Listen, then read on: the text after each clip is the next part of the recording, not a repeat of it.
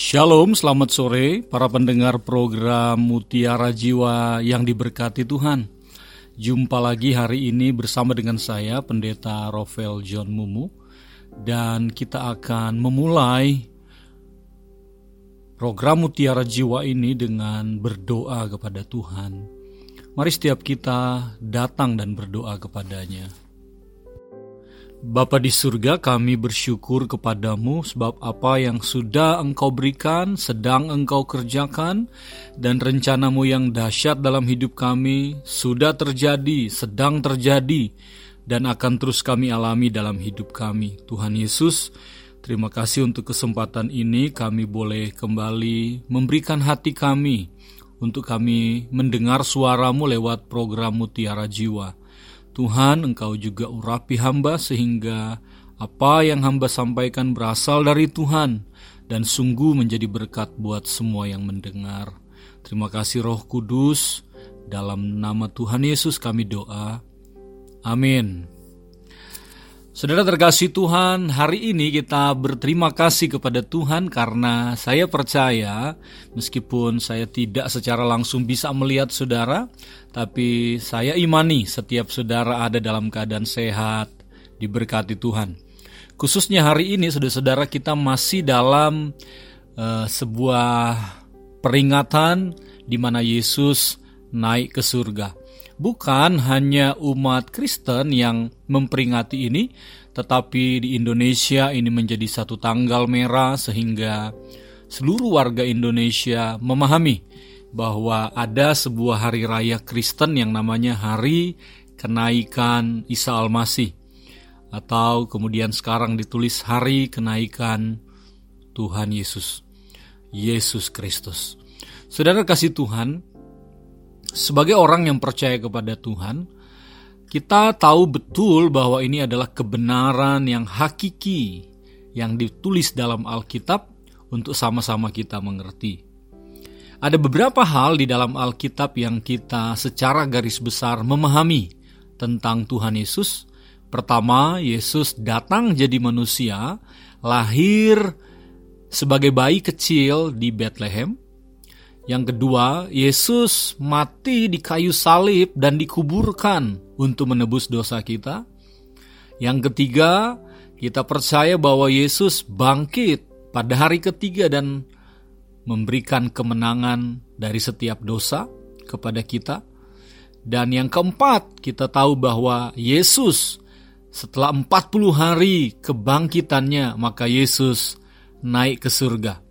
Itulah yang beberapa hari kemarin kita sudah rayakan sebagai hari kenaikan Yesus ke surga.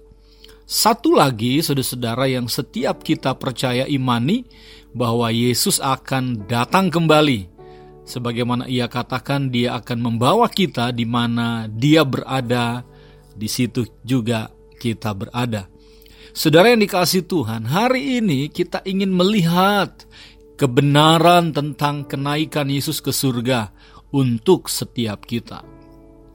Pertama-tama, saudara-saudara, ada banyak orang yang bertanya, ada orang, ada banyak orang yang dikatakan meragukan tentang peristiwa kenaikan Yesus.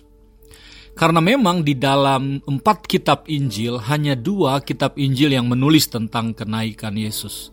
Hanya kitab Injil Markus dan kitab Injil Lukas. Sementara mereka berkata bahwa Matius tidak menulis, Yohanes tidak menulis peristiwa kenaikan Yesus. Tetapi kebenarannya adalah sesungguhnya semua kitab Injil. Ada empat kitab Injil yang kita tahu, Matius, Markus, Lukas, dan Yohanes. Empat kitab Injil, semua menulis tentang kenaikan Yesus. Kenapa? Karena memang betul hanya dua kitab yang menulis cerita, menulis kisah tentang kenaikan Yesus. Markus dan Lukas. Tapi sesungguhnya Matius dan Yohanes tidak menulis tentang kisah kenaikan. Tetapi sesungguhnya di dalam Matius dan Yohanes ditulis tentang pernyataan Yesus bahwa Yesus akan naik ke surga. Sehingga saudara-saudara, kesimpulan kita bisa katakan bahwa semua kitab Injil menulis tentang Yesus yang akan naik ke surga. Apakah itu dalam bentuk kisahnya maupun dalam bentuk pernyataan Yesus tentang dia yang akan naik ke surga. Bahkan ada satu kitab lagi namanya Kitab Kisah Para Rasul, pasal 1 yang menulis tentang peristiwa kenaikan Yesus ke surga. Haleluya. Saudara dikasih Tuhan, dan saat ini kita akan membaca Lukas pasal 24 ayat 50 sampai ayat yang ke-53. Saudara-saudara, Lukas pasal yang ke-24 ayat yang ke-50 sampai ayat yang ke-53 Alkitab bilang begini. Lalu Yesus membawa mereka keluar kota sampai dekat Betania. Di situ ia mengangkat tangannya dan memberkati mereka. Dan ketika ia sedang memberkati mereka. Ia terpisah, ia berpisah dari mereka dan terangkat ke surga. Mereka sujud menyembah kepadanya, lalu mereka pulang ke Yerusalem dengan sangat bersuka cita. Mereka senantiasa berada di dalam bait Allah dan memuliakan Allah. Puji Tuhan, saudara, kita sudah membaca satu dari kitab Injil. Jadi Injil itu hanya satu, yaitu Injil keselamatan di dalam Yesus Kristus. Tetapi kitab Injil ada empat, Matius, Markus, Lukas, Yohanes. Nah kitab Injil dalam Lukas yang kita sudah baca tadi menceritakan kisah kenaikan Yesus Kristus. Dan saudara-saudara ini adalah kebenaran yang tidak bisa diganggu gugat. Bahkan kalau Tuhan izinkan saudara diberi kesempatan pergi ke Yerusalem, saudara akan menemukan sebuah tempat yang namanya Bukit Saitun. Dan di Bukit Saitun ada satu kapel yang namanya Kapel Kenaikan. Kapel itu adalah kapel yang dikunjungi banyak orang dan oleh kemurahan Tuhan, Tuhan izinkan saya uh, hampir 20 kali pergi ke kapel kenaikan yang ada di Bukit Saitun. Dan saya melihat langsung bagaimana kapel ini nggak terlalu besar, tetapi ramai dikunjungi oleh banyak orang dari seluruh dunia untuk melihat kesaksian di mana Yesus pernah naik ke surga.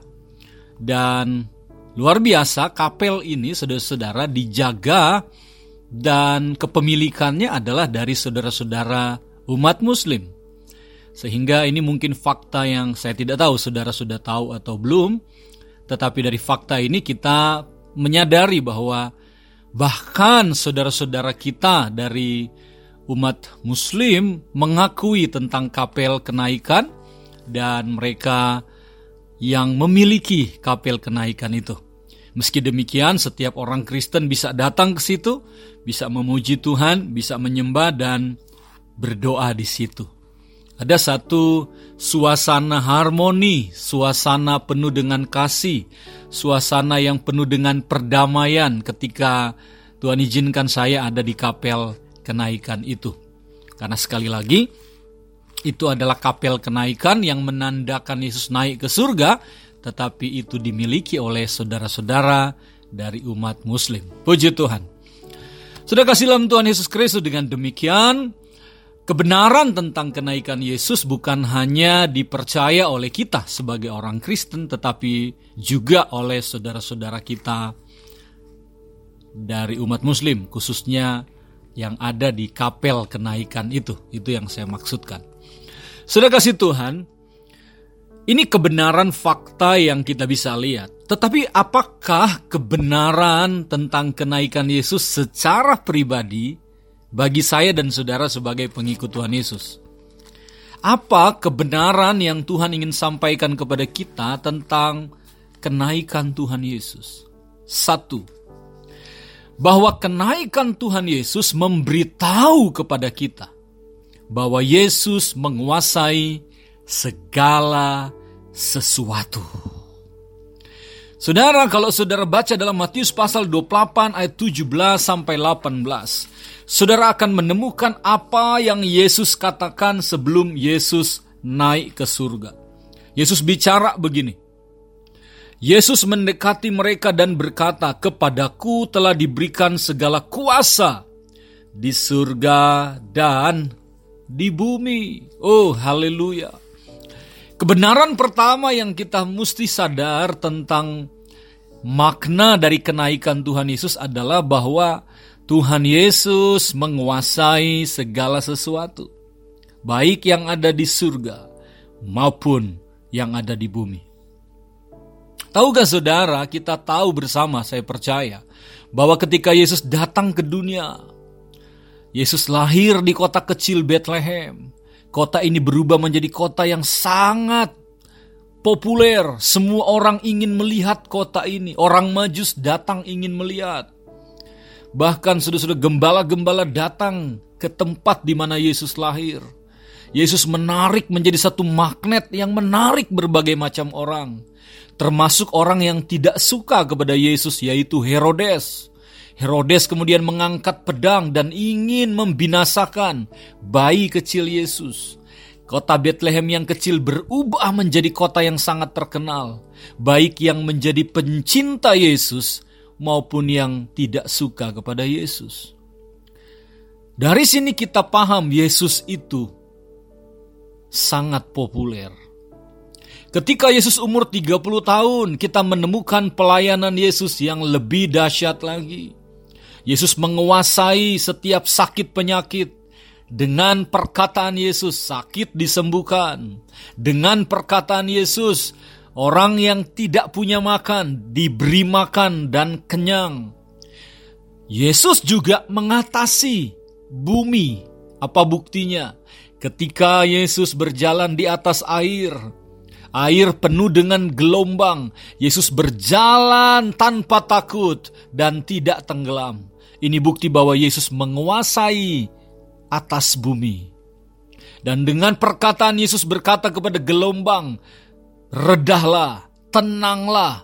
Gelombang air menjadi begitu tenang.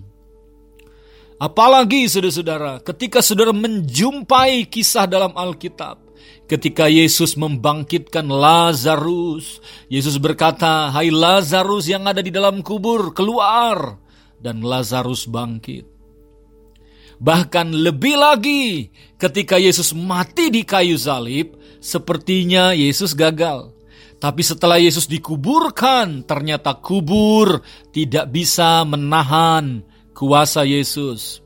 Yesus mengatasi kehidupan di atas bumi. Yesus pun mengatasi kehidupan di dalam bumi, bahkan di dalam alam kuburan. Yesus mengatasi segala sesuatu. Hari ketiga, Yesus bangkit, dan tidak ada kuasa maut yang dapat menahan Yesus di dalam kubur. Ini bukti bahwa Yesus mengatasi segala sesuatu. Dan hari Kamis kemarin kita sudah merayakan hari kenaikan Yesus. Satu lagi bukti kita lihat bahwa Alkitab menjelaskan Yesus menguasai, mengatasi langit. Hukum gravitasi tidak bisa menahan Yesus untuk naik ke atas. Kuasa Yesus tidak bisa dikendalikan oleh apa pun. Yesus naik. Ada hukum yang dapat menangani hukum gravitasi, namanya hukum terbang. Sehingga orang bisa naik pesawat karena ada hukum terbang, itu bahasa saya, hukum terbang.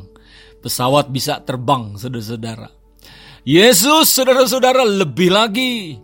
Tidak ada yang bisa menangani, tidak ada yang bisa menguasai, tidak ada yang bisa membendung dan memagari Yesus.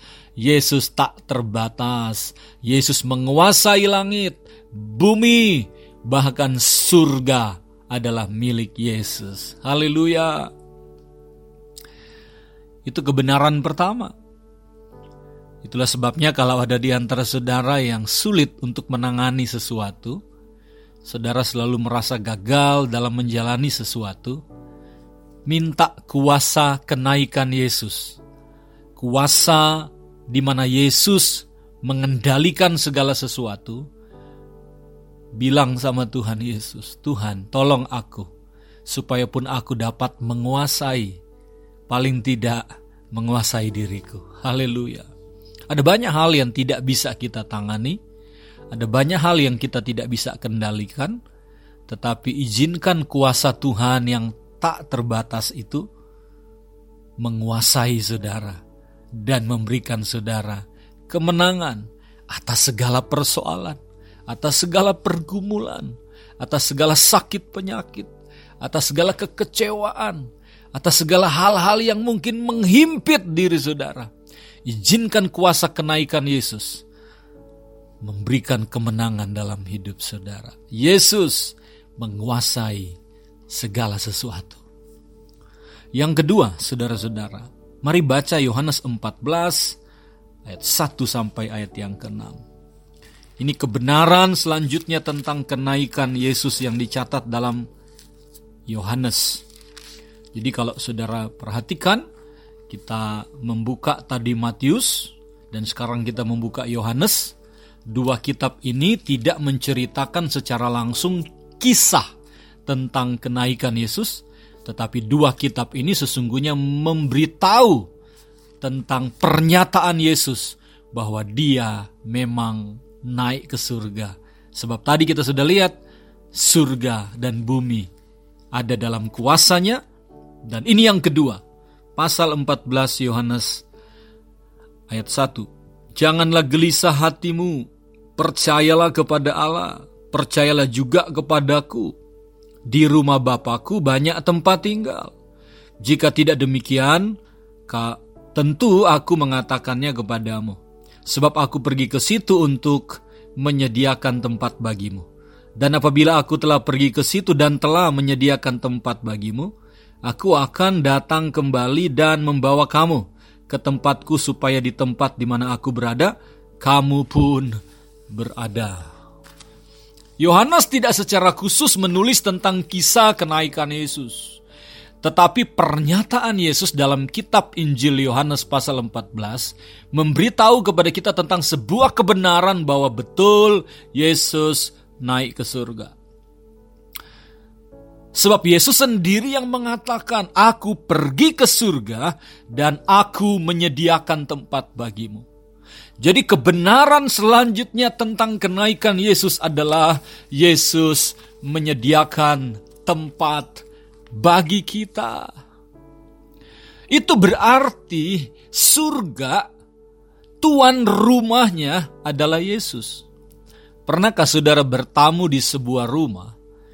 Yang menyambut saudara, yang mempersilahkan saudara duduk, yang menyediakan kamar misalkan kalau saudara menginap, udah pasti dia adalah tuan rumah.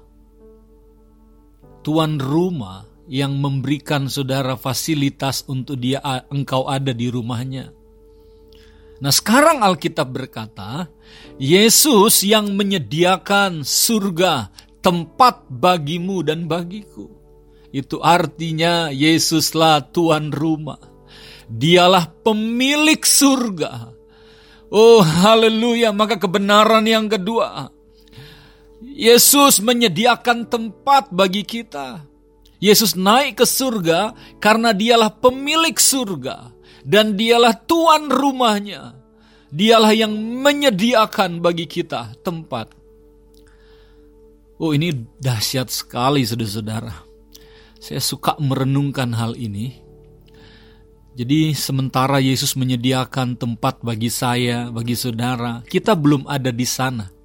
Tapi Yesus menyediakan tempat. Saya suka mendramatisir uh, kisah ini seperti ini. Yesus membangun rumah, Yesus menyediakan tempat tinggal buat kita di sana. Tetapi kita belum ada di sana. Ternyata sementara Yesus menyediakan tempat, hati Yesus tertuju kepada kita. Tempat itu sangat mahal. Tempat itu sangat istimewa. Tapi tahukah saudara di hati Yesus yang lebih istimewa lagi adalah saya dan saudara. Tempat itu begitu mahal, tapi lebih mahal lagi adalah kita yang sudah ditebus oleh darah Yesus. Sehingga sementara Yesus menyediakan tempat bagimu, hati Yesus tertuju kepada engkau dan saya. Mungkin engkau merasa dalam hidup ini engkau biasa saja. Mungkin engkau merasa bahkan di dalam hidup ini sering kali engkau tidak berseberuntung orang lain. Tapi ingat baik-baik, di hati Yesus engkau adalah orang-orang yang sangat beruntung. Engkau dan saya adalah orang-orang yang sangat spesial. Itulah sebabnya dia siapkan tempat bagimu. Maka pesan firman Allah, jangan pernah tinggalkan Tuhan. Izinkan hidup kita terus dibentuk oleh Tuhan. Karena tempat yang terindah Tuhan sediakan buat saya dan saudara. Wow, haleluya. Yang ketiga, kebenaran tentang kenaikan Tuhan Yesus ke surga adalah bahwa Yesus ingin menyatakan dia tak terbatas. Dia hadir untuk kita. Bagaimana Alkitab menjelaskan ini? Matius 18 ayat 20 berkata, di mana ada dua tiga orang berkumpul, Yesus bilang, Aku ada di tengah-tengah mereka. Coba renungkan, saudara-saudara. Ketika Yesus bicara ini, Yesus masih ada di bumi. Yesus saya boleh katakan terbatas pada waktu itu. Karena Yesus memang memilih untuk membatasi dirinya jadi manusia. Sehingga saya percaya ini kebenaran bahwa waktu itu Yesus terbatas. Bukti Yesus terbatas. Ketika Yesus menyembuhkan orang di Yudea, tidak ada kesembuhan orang di Galilea meskipun jaraknya hanya dua jam kurang lebih. Ketika Yesus pergi ke Yudea, ke daerah Yerusalem, ada kesembuhan di Yudea, tapi tidak ada kesembuhan di Galilea. Yesus dibatasi oleh ruang dan waktu. Ada satu bukti lagi. Ketika Lazarus diminta untuk disembuhkan karena dia sakit, Yesus berlambat-lambatan sehingga empat hari terlambat maka Lazarus mati empat hari. Mengapa butuh waktu Yesus berjalan dari Galilea menuju ke Yudea? Sampai di Yudea, Yesus menemukan bahwa Lazarus sudah mati dan empat hari sudah dikuburkan. Ini memberikan ciri bahwa Yesus terbatas. Tapi Yesus bilang, di mana dua, tiga orang berkumpul, aku ada di sana. Apa maksudnya, saudara-saudara? Ini adalah sebuah pernyataan Yesus tentang nanti Yesus akan naik ke surga. Dan setelah Yesus naik ke surga, Yesus akan kembali kepada kuasa dan ketidakterbatasannya. Waktu Yesus jadi manusia, Yesus membatasi dirinya. Tetapi ketika Yesus naik ke surga, kita tahu kebenaran sesungguhnya Yesus tak terbatas.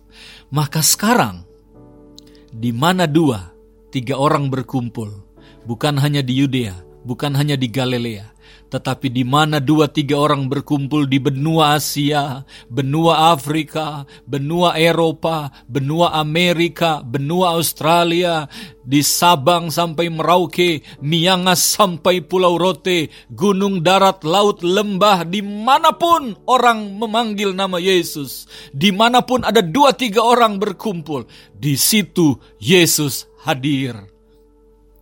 Kuasa kenaikan Yesus memberitahu kepada kita bahwa sesungguhnya kita tidak menyembah Yesus yang terbatas. Yesus pernah membatasi dirinya ketika datang ke dalam dunia.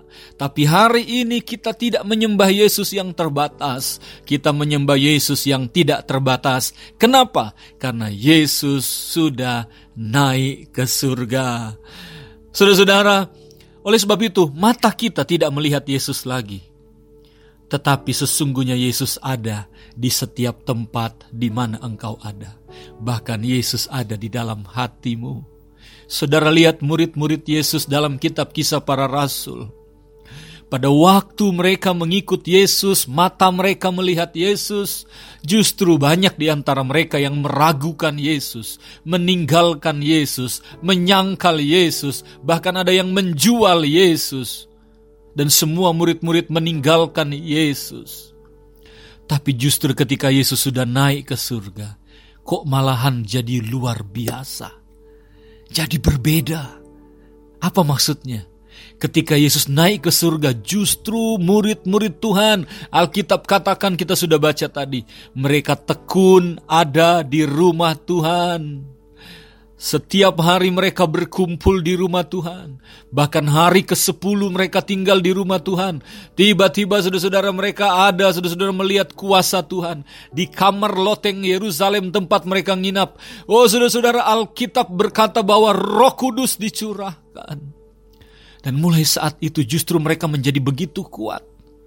Pada waktu mata mereka bisa melihat Yesus, mereka nggak kuat tetapi justru ketika mata mereka tidak bisa melihat Yesus karena Yesus sudah naik ke surga, justru mereka menjadi begitu kuat, begitu setia, begitu cinta Tuhan. Kenapa? Karena Tuhan membuktikan Tuhan hadir dalam setiap kehidupan murid-murid lewat kuasa Roh Kudusnya maka kebenaran selanjutnya yang kita mesti tahu, Yesus tidak terbatas. Yesus hadir dengan kuasa roh kudusnya. Haleluya, sekali lagi saudara, engkau tidak lihat Yesus dengan matamu. Tetapi percayalah, dia ada dan dia sedang menguatkan engkau. Kalau hari ini saudara-saudara, saudara masih dapat berkata Tuhan aku bersyukur kepadamu. Itu semua karena Tuhan yang sudah menguatkan saudara. Kalau hari ini saudara masih dapat berkata Tuhan, sepertinya ada pergumulan-pergumulan yang aku hadapi. Tapi kenapa ya Tuhan, rasa cintaku kepada Tuhan tetap tidak berubah. Justru aku semakin mau mencintai Tuhan. Padahal aku tidak melihat Tuhan dengan mataku.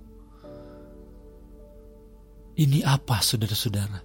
Ini adalah bukti bahwa Tuhan yang tidak terbatas itu hadir dalam hidupmu.